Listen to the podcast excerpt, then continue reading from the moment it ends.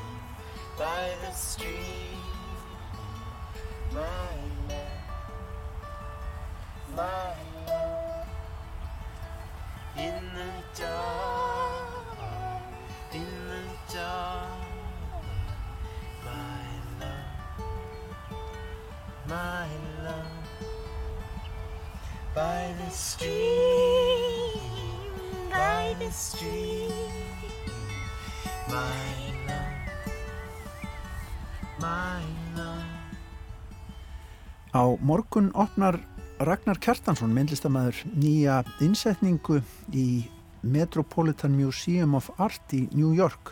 Ragnar er á línunni, kontur sæl og blessaður? Já, kontur sæl og blessaður. Herðu nú mig, uh, þú ert náttúrulega að fara bara inn í hinn Helgu V, myndlistarinnar. Hefur nú verið á ymsum merkum, merkum stöðum áður en, en þetta er kannski sapnið með stóru essi. þetta er svolítið sapnið með stóru essi, sko. Já. Þannig að mann man finnst þetta alltaf á ekki alveg að vera þarna, bara eitthvað Rembrandt og, og Ragnar Lilli Gjertansson mm, einmitt. Herðu, en uh, verkið heitir Death is Elsewhere, döðin er annar staðar er það ekki, sko sjörása vídeoinsetning tónlist í grunninn ekki satt? Jú, þetta er náttúrulega sko og þetta er verk sem að hérna, já, þetta er svona þetta er svona hljóðverk og myndbánsverk og, og svo líka þetta líka sem málverk. Þetta er bara svona, þetta er einhvers konar heldarri plöfun sko og, og byggir á, á lægi sem við sömdum í og, og Kristínan og Geða og Bræs og Arons, það er þeir sem er í verkinu. Mm -hmm. Þeir eru og, liðsmenn í The, The National hljómsveitinni sem hefur unnið áður með. Akkurat sko. Þetta er svona, þetta eru er tónlistamenn sem hefur unnið áður með í verkum sem bara eru þú veist bara svona æðislegt fólk og, og æðislegi listamenn sem að hérna, sem að við, við gerum þetta verk saman bara sko það var ekki planum að sína þetta nýttar það var bara svona, að bara gera þetta verk og svo kom allt innu þessi ótrúlega dásamlega beðni frá Metropolitanum að frumsýna þetta verk Já. af því að ég held sko að maður hefði sko verið beðnum að gera þetta fyrir Metropolitan og það var maður ekki þá hefur maður verið mun stressari. Þannig að þetta er svona, þetta er svona bara, bara verk sem maður var að gera svo bara að vera sínaði metropolitan, þannig að það er mjög gaman. Snýr skemmtilega svona einhvern veginn. Já. Sko þetta er í rauninni laung lúpa ekki satt bara ansi laung og það er kannski þetta er eins og fleiri vörkðinn fólk á helst að dvelja þetta aldrei vel lengi og svona sökva djúft onni þetta lag sem er tekið upp í sumar sólinni eila sko miðnættu sólinni á Íslandi, ekki satt? Já, þetta er tekið upp bara hérna hérna á Suðurlandi bara við hérna í, bara í, hérna skattotnungunni við, við eldrönnið sko, það sem heitir Svínandalur og þetta var te tekið upp á bara sumar nóttu bara akkurat á miðnætti kringum Jónsmessuna og þannig að það er svona, svona dröm, mjög drömkjert byrta í þessu og kuldi en samt einhvern veginn svona, þetta er svona þetta er svona, þetta er afskaplega svona hugljúft og romantist en það er eitthvað svona frekar frekar hérna frekar svona sorglegt þetta líka. Já. Þetta er hluti af síningaröð þar sem að Metropolitan safnið, auðvitað eins og segir þessi stopnun með alla sína alda gömlu og alda uppsöfnuðu snild e, býður upp á svona nýjar innsetningar, ekki satt? Sko, Jú. hvernig er að koma bara með já, með þetta inn í þessa stopnun? Það er bara mjög, sko það er mjög, mjög bara bara áhugavert. Þetta er líka eitthvað sem þeir eru að byrja með núna sko. Þetta er sko fyrsta svona, svona innsetningin sko af svona bara þú veist þegar þeir eru að gera það verk sko sem er þú veist í samtali við þú veist safningin eða eitthvað slikt sko Nei, við safni sjálf. Við myndum munum eftir, en... eftir Katrinu Sigurðardóttur í því sam, samhengi haðan? Akkurat sem var sko bara ótrúlega flott verk sko. Mm. En þetta er sko þetta er það bara að taka sko verk sem að eru, eru bara þú veist hafa ekkert með metropolitan að gera eru bara, er bara þú veist listaverk sem slík Mér skilst að þetta sé fyrsta verki sko í þessari, í þessari nýju stefnu samsins. Gengum maður þá inn í ja. stóran sal eða hvernig, hvernig kemur þessu fyrir? Já, þeir eru bara búin að breyta sko að það er svona, uh, svona torg inn í, inn í miðjum safninu sem er svona, hvað heit það, það kallar svona eitrium, þú veist það er svona ljósið skín í gegn svona já, svona ringlega torg. Inn í garður einhvers konar, já. Hálfur inn í garður og það er bara búið að sko breyta arkitekturnum þannig að það er bara búið að breyta því í sko vídeo hérna, myrkvaðan vídeosal sko já, já. þannig að þau fóru sko alla leið teknilega í, í sko jöfsendingunni búið að vera alveg bara hérna einstaklega gaman hvað þau sko eru sko metnaðafull og hérna gerir þetta vel sko þetta er, þetta er alveg tipp-topp leið sko það vandar ekki En hvernig er svona það að það lítur að vera mikið áhug í síndur þessu svona í, að nú að gera það í fjölmjölum, getið trúið? Já, svona, þú veist, ég, set, ég reynir bara alltaf að setja mig óða lítið inn í svo leiðis. Ja.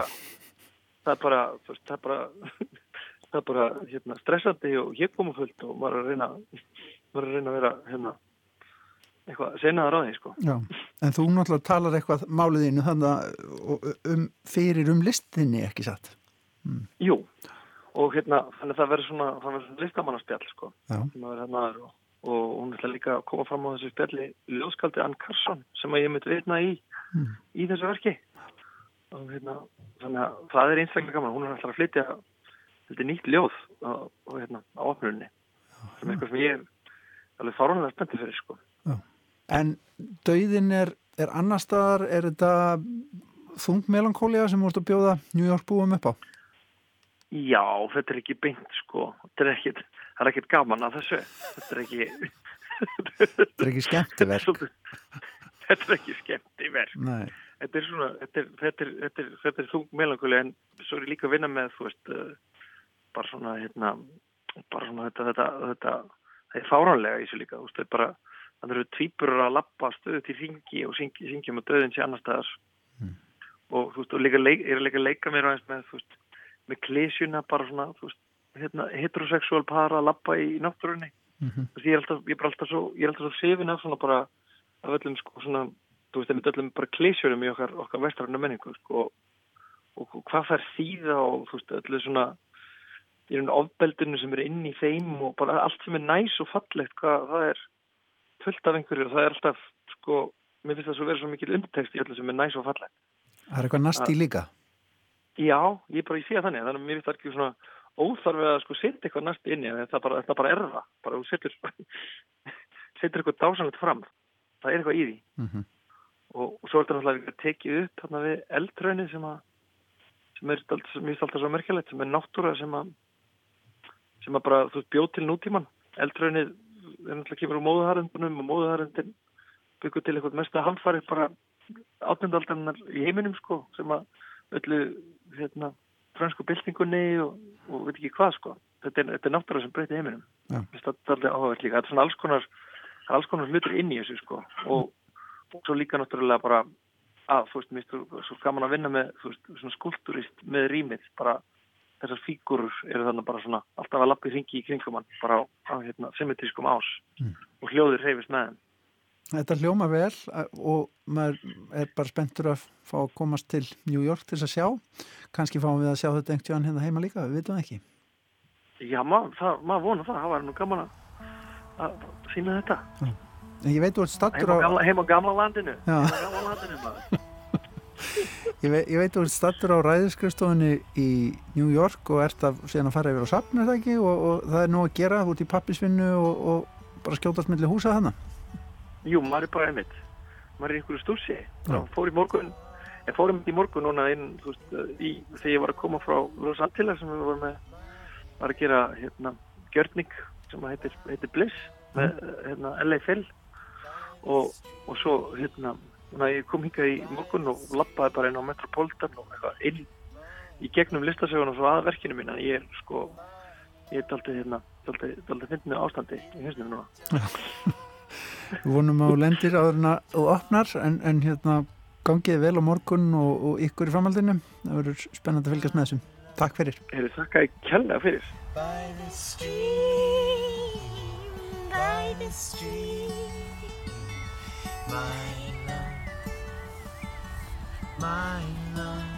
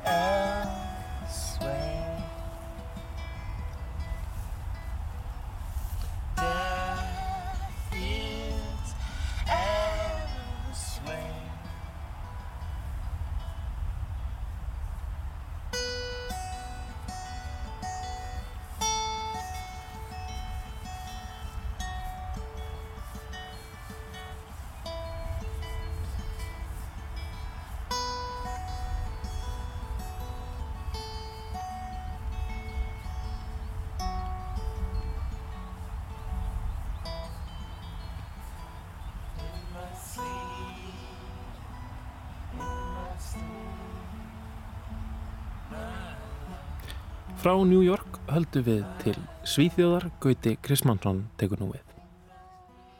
Bókmyndaverlaun er að sumuleiti sérkennilegt fyrirbæri.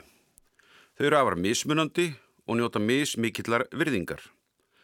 Það stafar að hluta til að því hvernig þau sem veita þau eru saman valin. Hér á Íslandi er það fremur einfalt að ekki megi að kalla snöydlegt. Oftast eru það stjórnmálamenn eða hagsmunnaðilar sem tilnefna einhverja tilfallandi þryggjamanna nefnd sem ákveður hver fær velunin hverju sinni og valið þá nefnd getur einnig verið nokkrum tilviljunum háð.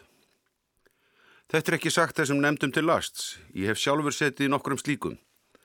Heldur er þetta einfallega ferli sem vekur ekki mikið traust. Þetta er í raun ángi af velunaraveldi fyrir tíma. En það hefur okkur Íslendingum einhvern veginn tekist að halda í ímsa léns skipulags hugsun og það án þess að hafa nokkru sinni verið með aðalsmenn í kringum okkur. En smákongarnir og drottningarnar eru víða. Frægustu og mikilvægustu velunin undanfarna öld og rúmlega það eru vafalust bókmentaverlun Nobels. Þau hafa einni notið mikils trösts vegna þess að Sænska Akademían fekk það hlutverk að velja verlunahafan og í henni sátu átján valdir einstaklingar á grundvelli afreika sinna og þekkingar. Þetta fólk liti ekki þarfið sitja og fekk á hverju ári tilugur frá þúsundum einstaklinga og hagsmunnaðila um víða veröld, til dæmis profesorum við Háskóla Íslands og Rittöfundarsambandinu. Þannig var reynd að tryggja að ferli veri traustveikjandi þótt ekki verið að gagsætt. Útkoman var því svo að stundum fengu óvæntir aðila verlun, óvæntir í hugum tiltekina hópa eða elita. Dæmum það er kannski pólska skáldið við Svava Simborska sem hlaut verlunin 1996. Það kom þeim sem hana þekktu kannski ekki óvart en mörgum öðrum. Fyrrum ári fjallaði ég á þessu vettvangjum nextlið sem kom upp í kringum Sænsku Akademína vegna ásakana um kynferðislegt áreiti Jean-Claude Arnaus ljósmyndara og menningarforkóls, en hann er kvæntur einum, nú fyrirverandi, meðlima akademíunar Katarínu Frostensson. Þau hjón voru reyndar sökuðum fleira til að mynda misnótkun á gæðum og fíja akademíunar. Hann hefur nú verið dæmtur til tveggja hálsásfangilsisvistar fyrir brot sín og hún hefur orðað víkja úr akademíinni. Engin Nobelsvelun í bókmöntum voru afhengt síðast á höst vegna þessa máls. Nú hefur Nobelstofnunin, sem heldur utanum velunin almennt, ákveða Sænska Akademían haldi áfram að veita velunin. Að því tilskildu að Hóras Engdal, sem lengi held upp í vörnum fyrir þau hjón, viki úr tillögunemdini innan hennar og gerði hann það fyrir nokkru mikum, ef markam á Sænska fjölmiðla. Hann situr hins vegar áfram sem fastast í Akademíinni. Nú áveita tvenn verlaun í haust þar sem árið í fyrra dagt út. En haldi menn að sögunni sé þar með lokið, mjallkvít og amman slopnar út úr úlfinum og hann komin á vassbotnin með grótið í maganum, þá var það mikill miskilingur. Þessir atbyrður fylgja ekki þræði ævintýris með hamingjusum endi, heldur miklu frekar harmleiksins, þar sem aðalpersonunar búa yfir hennum klassíska harmræna veikleika sem leiði þær í æfrekari ógöngur, hvað sem þær taka til bræðs. Spurningin er bara hvort verðlunin lifi átökin af. Því þau hófust á næsta stig á undanförnum vikum með útgáfu tveggja bóka eftir tvær af aðalpersonum leiksins, þau Katarínu Frostensson og Horace Engdahl. Ég vil taka fram að ég hef ekki lesið bækurnar í heild, aðeins brot og umfjallanir frá gaggreinundum sem höfundandir myndu vísast fella undir rannsóknaréttin frekar en eitthvað annað, en þeir eru að minnst kosti mjög einn veg. Titill bókarinnar eftir Frostensson er einn stuttur og má vera, eða bókstafrin K, sem stendur fyrir nafnið hennar, en er einnig upphafstaður margra líkilorða í tekstanum. Kafka, kærleikur, kaos, kunst, kaball í merkingunni samsæri, kultúr, katastrófa og fleiri orð sem hefjast á bókstafnum K. Haramleikurinn fælst í þeirri algjöru afneitun sem þessi mentakona úr efstalagi elitunar sænsku og þar með evrópsku lætið frá sér fara. Hún kallar ásakandur öllum íllum nöfnum, blóðþýrst rándýr, híjenur og annaði þeim dúr. Hún sér sig og sinn heittalskaða sem fórnarlömp samsæris öfundsjúks fólks og lýsi hvernig þau skötu hjún snýru meðan stormurinn geisaði aftur til sinnar elskuðu Parísar þar sem þau áttu tilhuga lífsitt á sínum tíma, hún hverfur inn í sig og ástasamband sitt og nothing else matters eins og eitt gaggrendi Expressen sagði með vísan í málmhausabandið Metallicu. Þessi fyrring skáldkonunar merku með langan fræðarferila baki er eins og skólabókardæmi um harmrænan veikleika hinnar tragísku hetju og er það annarlegt að sjá hann að tala nánast eins og lér konungur á heiðinni. En kannski getur Ástin meira segja gert á vitrustu að afglöpum. Það er á sinn hátt fagurt, en um leið harmrænt. En hún er ekki eini sinni ást, með manni sínum gegn öllum. Það er ferill á bakvið og hann tengist Sænsku Akademíinu beint.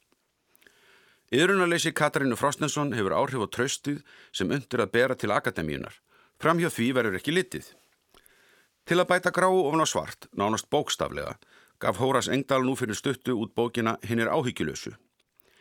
Þar mæli fyrir hönd höfundar fígúran Mahuro, nokkus konar hliðarsjálf, sem velti fyrir sér stöðu kallmanna í samtímanum, hugsunarhætti þeirra og afstöðu til tjáningafrelsis, sem að sér ekki einungis sem fagufræðilegt heldur einnig pólitíst, svo ég vitni til eins gaggrindans. En hann er líki herrferð ef markam á beinar tilvitnanir í orð hans um pólitíska réttugsun.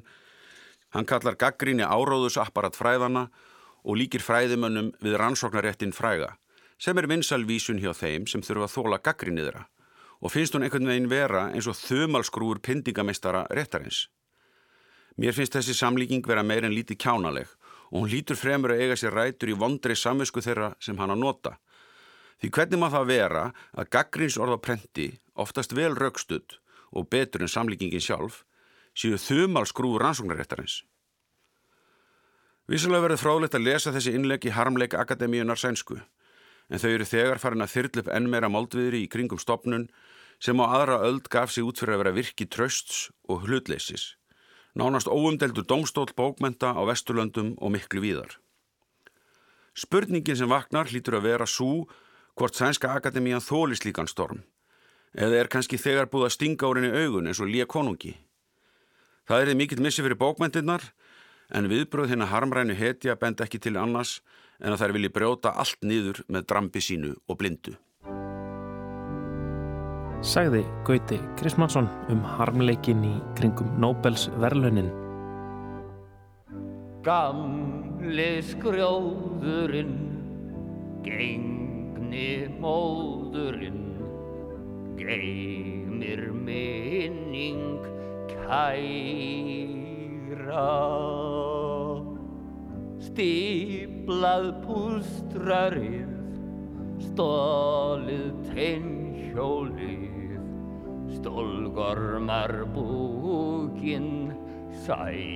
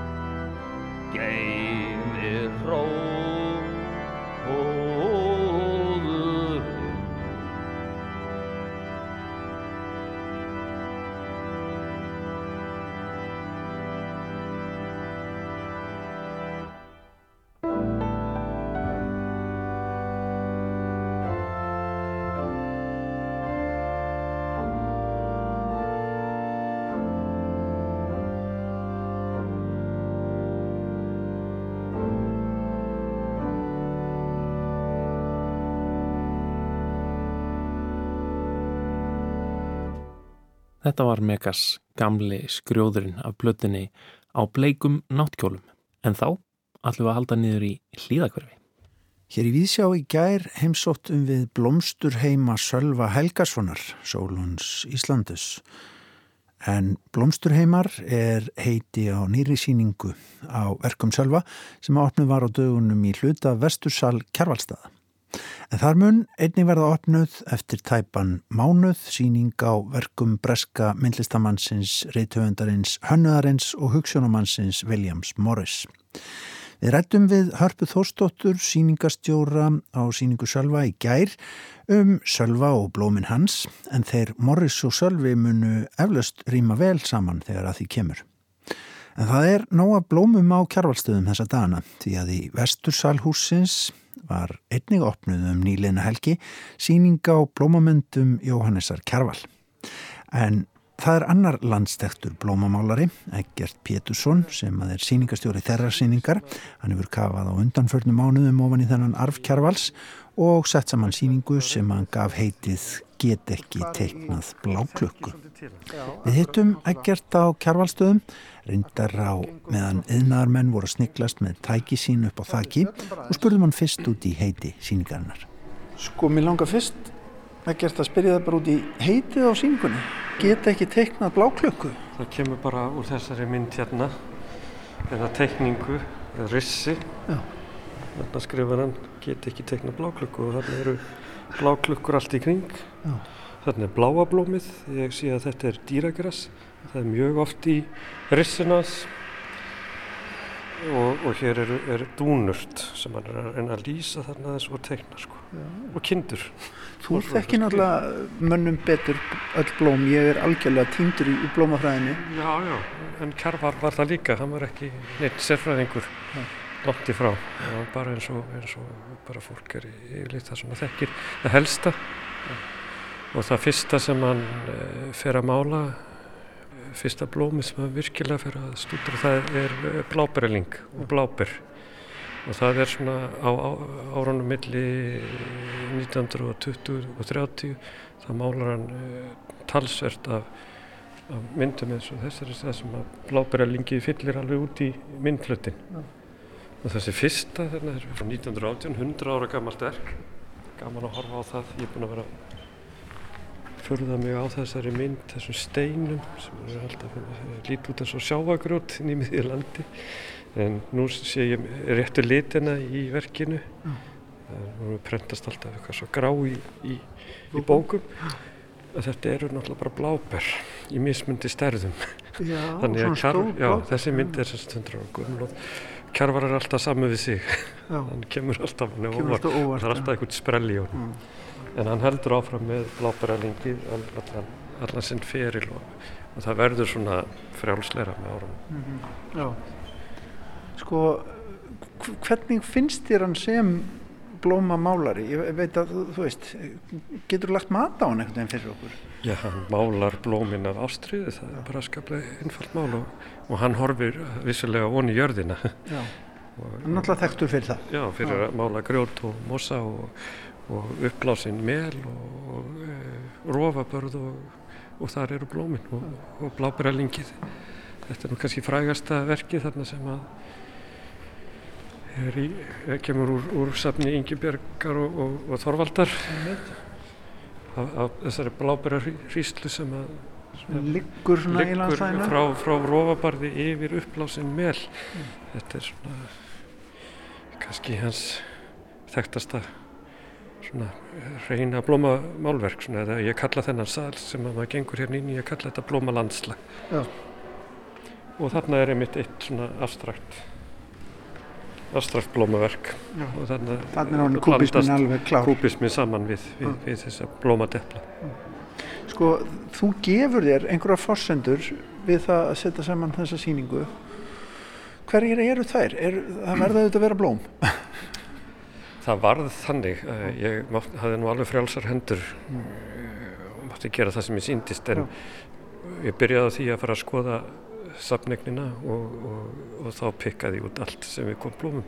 Þannig að ég tók bara það sem að snýrað mér og, og mínu verki og, og mér fannst aðeinlegt, ég hafði alltaf verið forvitin um þetta með kjarval og blómin að því að ég hafði vissulega séð þessi verk, mörg bæði í bókum og sýningum og, og, og verið að ben, segja mér frá þeim líka margir að segja mér að það væri nú Kjarval er nú búin að gera þetta löngu handa mér Já, já. og sömulegis Sölvi Helgarsson Já. þannig að ég fór að skoða þetta allt saman og, og sá strax svona þessa megin þræði í verkunum það er þessi þessi, hérna, þessi eh, blóma, þetta blóma landslag eða það sem er engungu blóm sem er í þessum sal sem maður gengur inn í og svo eru þarna sem ég kalla hátíðablóm Það er- Uppstilt svona meira. það er það sem að kemur eftir, eftir að hann eh, er 50 og er, verður hérna eh, loksins viðkendur eftir það sýningin í Mennskólanum Reykjavík 1935 og, og þá fær hann alveg endalösa blómyndi og blómakörfur og, og hann fer að þakka fyrir sig og, og, og málar, málar þau. Og upp úr því verða þessi eiginlega blóm til. Síðan náttúrulega blandast allt þetta saman hann blandar öllu saman. Já. hann hérna fara að koma andlit í blómamyndinar bakgrunninn og, og, og sömulis þá verður þetta endanum bara fantasíur og það er landslag líka með og, og þannig, þannig fer þetta inn í, þriðjasalinn og þar eru það sem ég kalla blómaverur Mhm. og það er, eru, eru fantasíumyndir Já. En sko, svona hu hugsun Kjarvals um náttúruna, hvernig hann sér hana, hvernig hann veltir hann mikið fyrir sér til dæmis hvernig við umgangumst hana og þar um til göttunum. Já, hann er nú eh, þekktur fyrir að við hafa verið langt á undan tímanum. Og, og í þessum svona síðustu síðustu verkum eru líka þessum fantasíum. Þá eru þessi, þessi andlit og þessar verur sem að einhvern veginn, eh, maður veit ekki hvort eru dýr eða menn eða fuglar eða og, og, og þessi svona grótesku andlit þetta eru svona þessir náttúruandar hans sem hann skrifaði um. Það eru þessir hausar og, og, þeir eru að tala til okkar í dag. Hann, hann var náttúrulega kvalafriðuna sinni og vildi byggja kvalfriðuna skip talar um gíruheitin og grimdina og, og, og eh, talar fyrir næjuseminni og, og þetta talar mynd til okkar í dag og Hann væri alveg með okkur á línu í dag og ég vel væri að e, e, hérna brína okkur áfram. já, hann, hann er að því núna ef Já. við bara lesum þetta. Þetta er allt hana Sko þegar að svona uh, líður á lífið að þá dekkist hann stundum er það ekki? Hann svona verður svona það kemur svona þungi. Jú, það er endar hérna í blóma landslagssalnu þar eiginlega finnst mér ég hafa svolítið uppgötað myndefni frá honum sem kannski ekki hefur verið sinn en jú eflust margir séð. Þetta eru myndi bara frá all, allra síðustu árunum frá kannski 1964 til 68 Já. og það er, eru þessar svona þetta, þetta óljósa landslag sem er eins og í, draumi og það kemur blómaflúr yfir. Stundum eh, koma fígurur og þarna er svona eins og sé einhvers konar litaspjald eða mér fannst þetta nú líkt út í að velja svo konfettkassi. Já. svona óljóst og, og einhver, einhver, einhver, einhver form. Og stundur rennur þetta alveg út í abstrakt. Jafnvel Og- tjald þetta Já, mér fannst þetta að vera tjald e- eða torfbær eða og hérna og það er til fleiri svona verk sem ég því miður gæti ekki komið að í þessari sýningu. Já. Og þetta er svona, þetta svona hugalandslag. Og þe- þessar myndir eru greinilega málaðar að, að vetri til í hérna í, á vinnustofunni þegar hann er svona kraftan eru að fjara út og hann er að, að hugsa um uh, sumarið og vorið. Kemst ekki út að mála. Þessi heitir til dæmis vetrablómin tala. Þessi. þetta er ótrúlega falleg mynd og þannig er önnur Og þetta er nú Eins. eiginlega bara að minnum á listmálar sem ég þekki sem að Inn á milli. já, það er reyndar, Heitir reyndar ekki betur það er kannski nokkuð til í því reyndar er þetta kannski þær, þau verk sem höfða mest til mín Já. í þessari sýningu og ég það er svona langa að leggja sérstaklega áherslu á Já. og, og þetta líka myndir, minni líka á eh, eldri svona eh, verk sem ég hef heilast að landslagsverk sko eins og 17. aldar málarinn hérna og grafikarinn hérna Herkules Segers frá Hollandi og, og, og, og mér er þess að Strindberg sem að sem er mikill svona, ég hef líka heilast að hans mál, málverkum, ég er að tala um Strindberg skald en, en hérna Hans verk áður hans málverk eh, sem að einhvern tíman var að vera að benda á að var eitthvað lík mínum Já. og þá fór ég að skoða hann og, sá að það var eitthvað, eitthvað spennandi og hann var að mála einmitt mikið haf og eh, líka blóm á strönd, eitt blóm á strönd og, og hann var svona ekspressionisti langt á undan tímanum. En þetta var alltaf Þannig að Strindberg er þinn Já. maður. hann er minn maður í, í, í þessu ég- málarinn. En, og það, hann, er, hann var að mála svona hugarhaf Sko, en með Kjarval finnst þér þú já, læra eitthvað á honum? ég eh, er búinn að vera við gerð þessar sýningar búinn að vera náttúrulega stúdran og, og læra af honum og verið svona svolítið að fara inn í hans verk og með þeim eh, með því hugafari að, að nýta mér reynlega þannig að, að, að það er náttúrulega fór svo lengi að benda á hann og hann er svo stór það hefur verið erfitt að nálgast hann öðru sinna bara að horfa verkin og, og heilast að þeim. En eh, svona verið að kafa inn í þetta og, og, og, og hérna sjá hvað ég get notað eða hvað hann getur hjálpað mér sérstaklega kannski að því að nú er maður farin að eldast og, og kannski það er svolítið spennandi að horfa á þessi, þessi síðustu verk af því að nú, nú fer kannski hendina aðeins að titra hjá Já. manni. Svona takturinn kannski að verða kannski- Já, getur hann hjálpað manni? Hver veit? hver veit, já. Þetta var listmálarinn, blómamálarinn Eggert Pétursson sýningastjóri á sýningunni Get ekki teiknað bláklöku þar sem að eru mitt blómamyndir Jóhansa Kjarvals. En við ætlum að huga að allt, allt öðru hér í Víðsjá núna.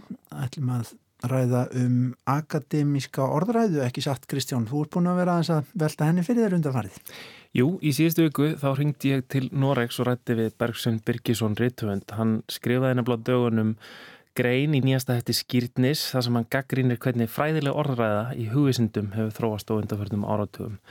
Um, ég fekk til þess að bregðast við þessari gaggríni þá fekk ég til mín Guðmund Háldánarsson, fórseta hugisindasviðs Háskóla Íslands og professor í sakfræði og Sigriði Þorgersdóttur, professor í heimsbyggi.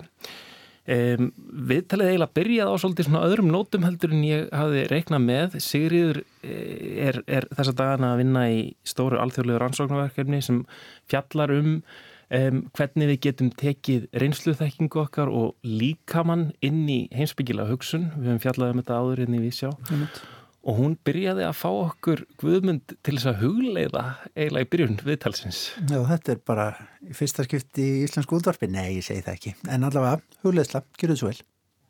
Herðu, má ég aðeins leggja til eitt? Af. Því ég er nú að kenna embodied critical thinking. Já, já. Má ég aðeins leggja til, bara við praktiserum það sem við predikum. Ok. Má ég aðeins leggja til að við aðeins finnum fyrir bara líkamannum í stólnum. já. Já, Þú ert kannski versta, versta stólnum. og bara leiðum honum að finna hérna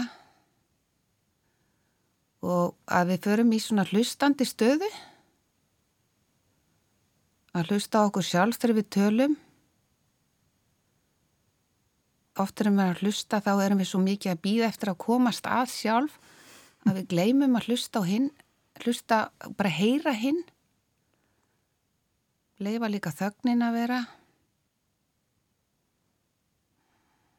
Finna óróa, við erum að fara í útvarsviðtal, leifa óróa að vera, anda bara og tengja við okkur sjálf. Húsum röddina, hún fá að flæða og sé ekki spennt.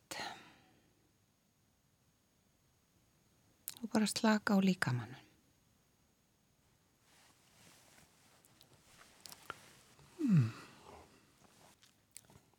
Ég hef aldrei byrjað viðtal svona.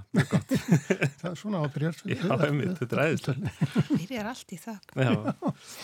Um, í síðustu viku ringdu við hérna í viðsjá til Norex og spjöldum við Bergsvein Birgisson Ritthöfund en hann sagði okkur frá grein sem hann rittar í nýjasta hefti Skýrtnis, tímaritsins íslenska bókmyndafélags þar sem hann gaggrínir hvernig hann álítur að fræðileg orðræða í hugvísindum hafi þróast á undaförnum áratugum. Hann álítur meðal annars að kvatakerfi háskóla samfélagsins í gegnum styrki, stigakerfi og reytirinn tímaritt hafi leitt til ofmingillar sérhæfingar til aðferðafræði þar sem niðurstaðan sé oft ákveðin fyrirfram og orðræðu hefðar sem útilokar skáldlegt hugarflug, huglegni og tilfinningar. Þetta leiði til þess að mati Bergsveins að stóra samengi glatist oft í fræðunum og ennfremur að akademían hætti að eiga erindi við almenning fjarlægist fólk flest og bregðist þar með upplýsinga og miðlunar hlutverki sínu. Viðtalinu hefur verið dreift nokkuð við á samfélagsmiðlum og sitt sínist hverjum, um, en til að ræða frekar stöðu og orðræðu hugvísandana hef ég fengið til mín tvo góða gesti, þau Guðmund Haldunarsson, professor í sakfræði og fórseta hugvísindasviðs Háskóla Íslands og Sigriði Þorgestóttur, professor í heimsbyggi við Háskóla Íslands.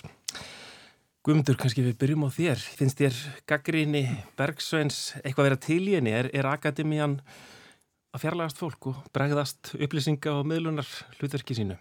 Ég myndi nú ekki halda það sko en, en það er alveg rétt og rétt með gaggrinni að, að, að svona þetta akademíska kerfi sem við búum við að það, það hvetur ekki beinleins til þess að, að við séum í, í þessu svona mikilvæga samtali við, við umheiminn sem, sem að ég held all hugvísindi vilja vera í að því að alveg rétt eins og bendir á að humanjóra fjallar um mannin og, og stöðumannsins Ég held eins vegar að, og það er svona mín tilfinning og ég ekki bara tilfinning, ég veit það alveg bara út á mínu starfi, eh, að þá eru stór hluti, já, miskusti kennara við Hugustasvið Háskóla Íslands eru í, eh, eru í miklu samtali við, við umheiminn og leggja mikið á sig til þess að standi þessu samtali á þess að fá eh, nokkur stig eða, eða umbun sérstakka fyrir það, aðra en þá að hversu nærand þessi samræða er. Þannig að Ég held að sjálfur rétt að við þurfum að, þurfum að viðhalda þessu, þessu samtali en ég held að það sé eins og það er ekki rétt að, að mjög skust ekki að hugustamenn á Íslandi séu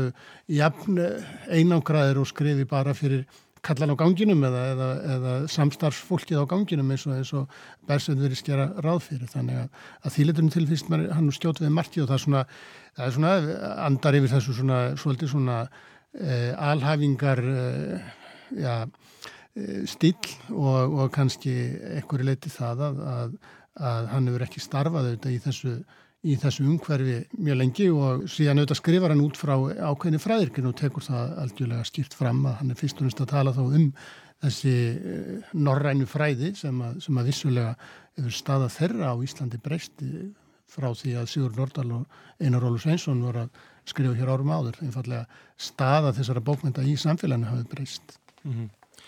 Sýrjur, hvernig slær, slær þetta þig?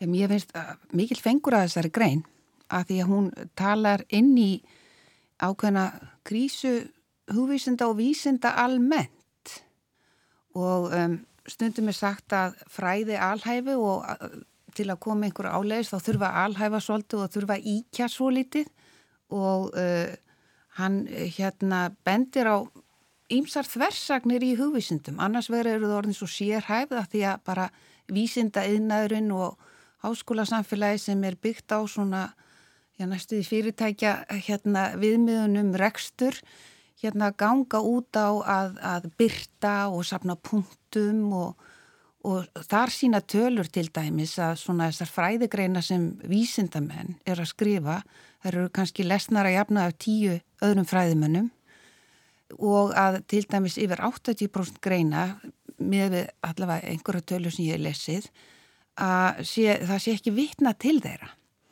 Þannig að, að, að hérna, áhrif þeirra eru af að lítir en þetta líka hefur með svona bara fjölga og þetta er að stækka þetta svið e, samfélagsins sem vísindin eru. Hins vegar eru ví, e, hugvísindir, svo við tölum bara um þau núna hérna, þau eru, þau eru víða hérna, meira ábyrrandi kannski heldur en kemur fram í greininni á þann hátt að þau hafa áhrif. Þú lítur bara á söfn eða bókasöfn eða svona almenna umræðu um menningu og samfélaga þá eru vísindi eða hugvísindi sérstaklega uh, víða áberandi. Hins vegar, nú á tímum populismans, að þá eru vísindi almennt líka mjög gaggrind.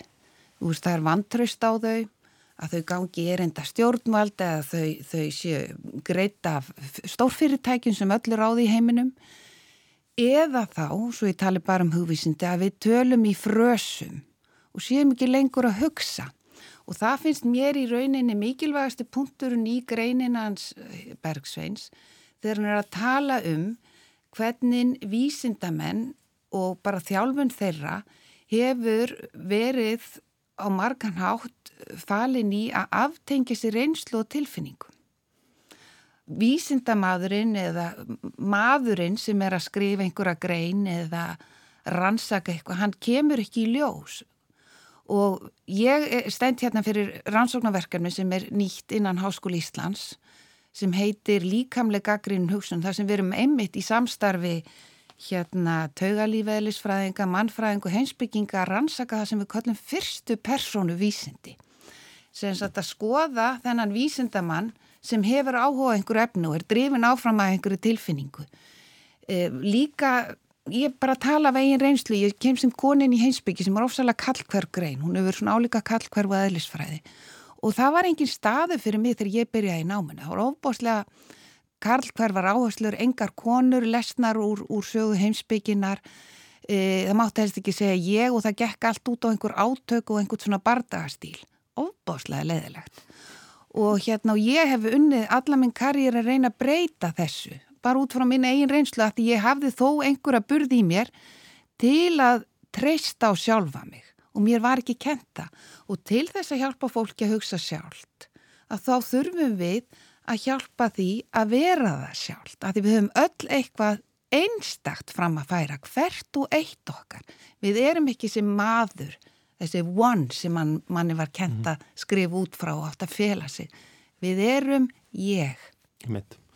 Eh, Guðmundur, hvað segir þú? Þessi svona hlutlægni sem að, sem að hérna, Bergsson er, er að gaggrína eða hann vil eiginlega meina og, og kannski sem sér mynd takk undir að, að þá séum við reynilega bara að dilja einhverja huglægni þarna sko.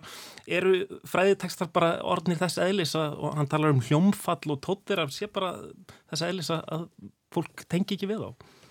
Ég veit það nú ekki sann að sagna sko, ég held að það sé nú mjög margi fræðimenn, ég held að það sé bara, bara mjög upp og ofan og, og hérna ég held að fræðimenn séu bara eins og og það er eindir alltaf verið þannig að, að fræðimenn hafa og þeirra tekstar hafa verið mísjaflega aðgengilegir og, og þeim hefur svona verið kannski mísjaflega eiginlegt að, að skrifa teksta og hérna og uh, hann tekur dæmi þannig af tveimur ja, stórmennum þessarar íslensku vísnasögu innan hans fræða. En, en ég, ég tek bara þá höfunda sem að ég les eh, frá þessu sama tímabili þá held ég að, að þeir hafi nú ekkit, ég held að við séum nú ekkit endilega síðri, síðri að skrifa texta en það fræði mig núna eins og þá er, er bara mjög svo upp og ofan. Og ég held að þetta íslensk þá er ég að tala út frá mínum sjónaróli að, að út frá sakfræðinni og, og reyndar hef ég nú séð það sama í mörgum öðrum fræðigreinum og þá, þá einfallega er þetta svo lítill heimur að, að, að þessi svona fílabrinsturn sem að maður sér auðvitað mjög víð annar staðar myndast að hann einhvern veginn næri ekki að myndast að því að einfallega það eru ekkit gaman að vera í turni og vera eiginlega bara eitt sko.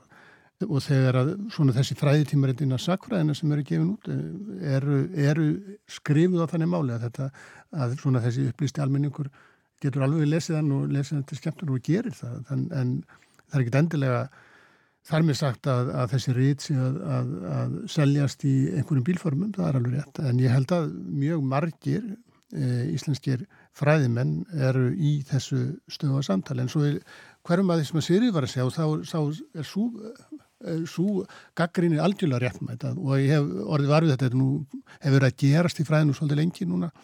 Er einmitt þetta sko að, að að taka eh, fræðmanni sjálfan inn í tekstan og meðvita því auðvitað er hann þannig að þetta er allt saman þó svo að við skrifum félum okkur bak við þennan almenna manna þá erum við alltaf einstaklingar sem erum að skrifa með ákveðin áhugamál og tilfinningar og, og, og eiginlega svona hugssjónir sem sem að móta það hvað við höfum áhuga og hvernig við setjum efn okkar fram. Og það eru auðvitað mun heiðarlegra ef við, ef við svona horfust í augu við það og gefum lesandanum þá alveg grein fyrir því hvað við stöndum og, og setjum okkur sjálf inn í. Þannig að það ég bara get fyllilega tekið undir það og, og, og ég held að, að það getur orðið líka kannski svona áhugaverðari texti að því að, að, því að því að það er bara að maður veit að maður skinnja sína veröldu gegnum sem einstaklingur og þess vegna til dæmis og æfisögur eru gætan mjög minnsælar og það er ofta auðvelt að koma sögulegu efni fram í gegnum, gegnum slík vegna þess að þá er að vera að horfa heimin í gegnum, gegnum augu einstaklingsins og þannig held ég að, að lesandin og, og fræðimæðurinn eigi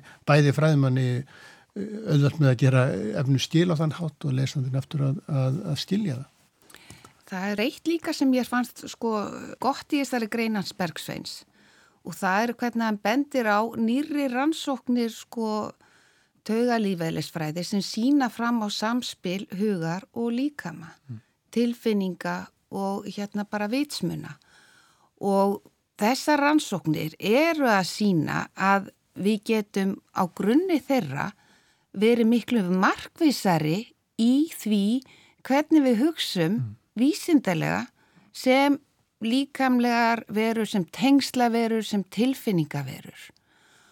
Þannig að mér finnst það vera sko svo mikilvægu punktu núna að horfa á hvað raunvísindin er að segja okkur um starfsemi mannshugans og nýta það ganggert og það er verið að þróa aðferði núna innan þess sem við e, e, kalla örfyrirbæra fræði e, og svo eru aðferði sem við erum líka sem komur fyrirbæra fræði og pragmatisma hvernig við hugsum að við séum ekki bara einmitt eins og hérna, að, að hugsa frá engum stað heldur við erum staðsettar verur og þá þróum við líka aðferðir sem sko míða svolítið að því að fara inn í líkamann. Ég skal segja ykkur bara dæmi.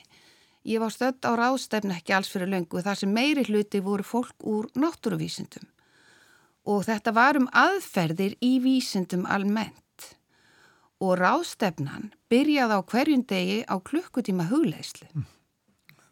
Eins og við byrjuðum á hérna fyrir viðtalið, ekki klukkutíma en nokkra minna. Já, já. og það gerði, það skap, ég var aldrei fara á svona ráðstefnu. Mm. Venjulegur ráðstefnur þannig að þú veist, það er allir að bladra og engin hlustar. Mm. Og hérna, og fólk bara reyna að koma sínum punktum að, en þarna var sem sagt allir stoppaðir og síðan var unnið úr, þú veist, fólk var, þetta var öðru sér ástæfn og margan annan nátt líka, því fólk var að vinna með eigin rannsóknarspurningar og var að þróa þær. Og við vorum að hjálpa hvert öðru að gera það, hlusta hvort annað. Og svo voru fyrirlestar á kvöldi en þetta var sem sagt að vera að vinna úr afrækstri hugleðslunar sem sagt að fara inn í þögnina leifa líkamannum að því að líkaminn hugsar með okkur og oft erum við í svo miklu stressi, hann nefnir líka streytuna sem gera verkum að við erum bara yfirborslegi hugssum og bara föst í frösum, erum ekki við sjálf. þannig að við þurfum að tóna okkur niður og ég held að sko þarna eru eitthvað sem skiptir gífulegu máli fyrir skólakerfið. Bara nefna dæmi. Mm. Yfir þriðjungur drengja sem eru að ljúka grunnskóla get ekki lesið sér til gags og eitthvað um 15% stúlna. Ég, ég held það séu þölunar. Og hérna við erum að fá fólk með alls konar færni bara líka inn í háskólana.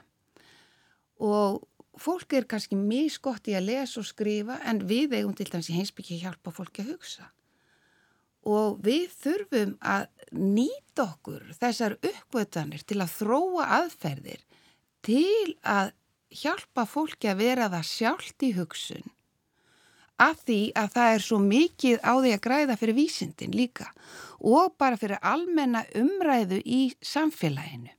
Einmitt. Það er eitt atrið sem að, sem að er eins og svolítið eins og rauðu þráður í gegnum, gegnum greinina. Þetta er, þetta er svona eiginlega viðbröð hans við viðbröðum við bókinni sem að hann gaf út fyrir hvaða 2-3 minnur síðan leitina svarta vikingnum sem að sem að er að hluta til ja, skálsaga að, að þann hátt að hann, hann leifir sér út frá sinni fræðilegu þekkingu að því hann er með dóttursprófi í þessum bókmyndum og, og hann hefur til dæmis já, eins og hann bendir á bæði að við svona hatt frumkvæði að en líka auðvitað, fylgir þar í fótspor manna sem eru, eru að vissunátt að breyta svona alveg viðþórum manna til hvernig landnámið og til hvers þessi landnámsmenn komi hérna.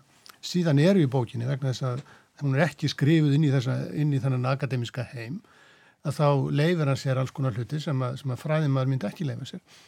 Og ég, ég held að og ég held að fræðiminn eiga ekki leifa sér þetta sem hann er, hann, hann er að gera að vera að skrifa í því, í því sniði.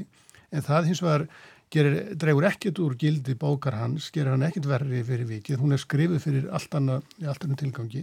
Og ég held að það sé bara, ég held að það er bara að vera fjálbreytt, en við eigum að geta skrifað í alls konar tilgangi, en það er auðvitað einn akademisk orða, það hefur ákveðnar eh, setur okkur ákveðnar skorður.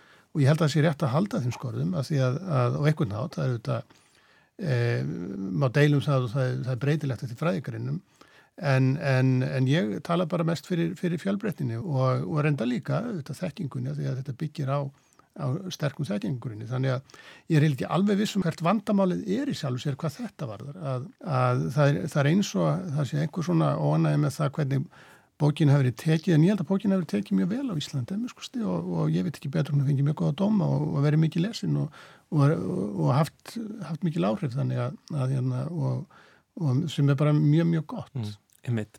Við skulum láta þetta vera loka orðin. Takk kærlega fyrir komuna Guðmundur Haldarnarsson og Sigriður Þorgerstóttir. Já, þessari stuttu vísarveiku ljúkum við á umræðu um akademíum og orðræðu og hvernig fræðin byrtast okkur í samtímanum. Vísjá verður hér aftur á þriðu daginn en þá reyndar verður komin nýr umsjónumæður Halla Þorlug Úrskastóttir ætlar að taka við þættinum. En við þökkum fyrir okkur í dag. Já, takk fyrir samfélgina og takk fyrir samstarfið Kristján í Bili allavega. Já, takk sem leiðiskunni. Verið sæl. Verið sæl.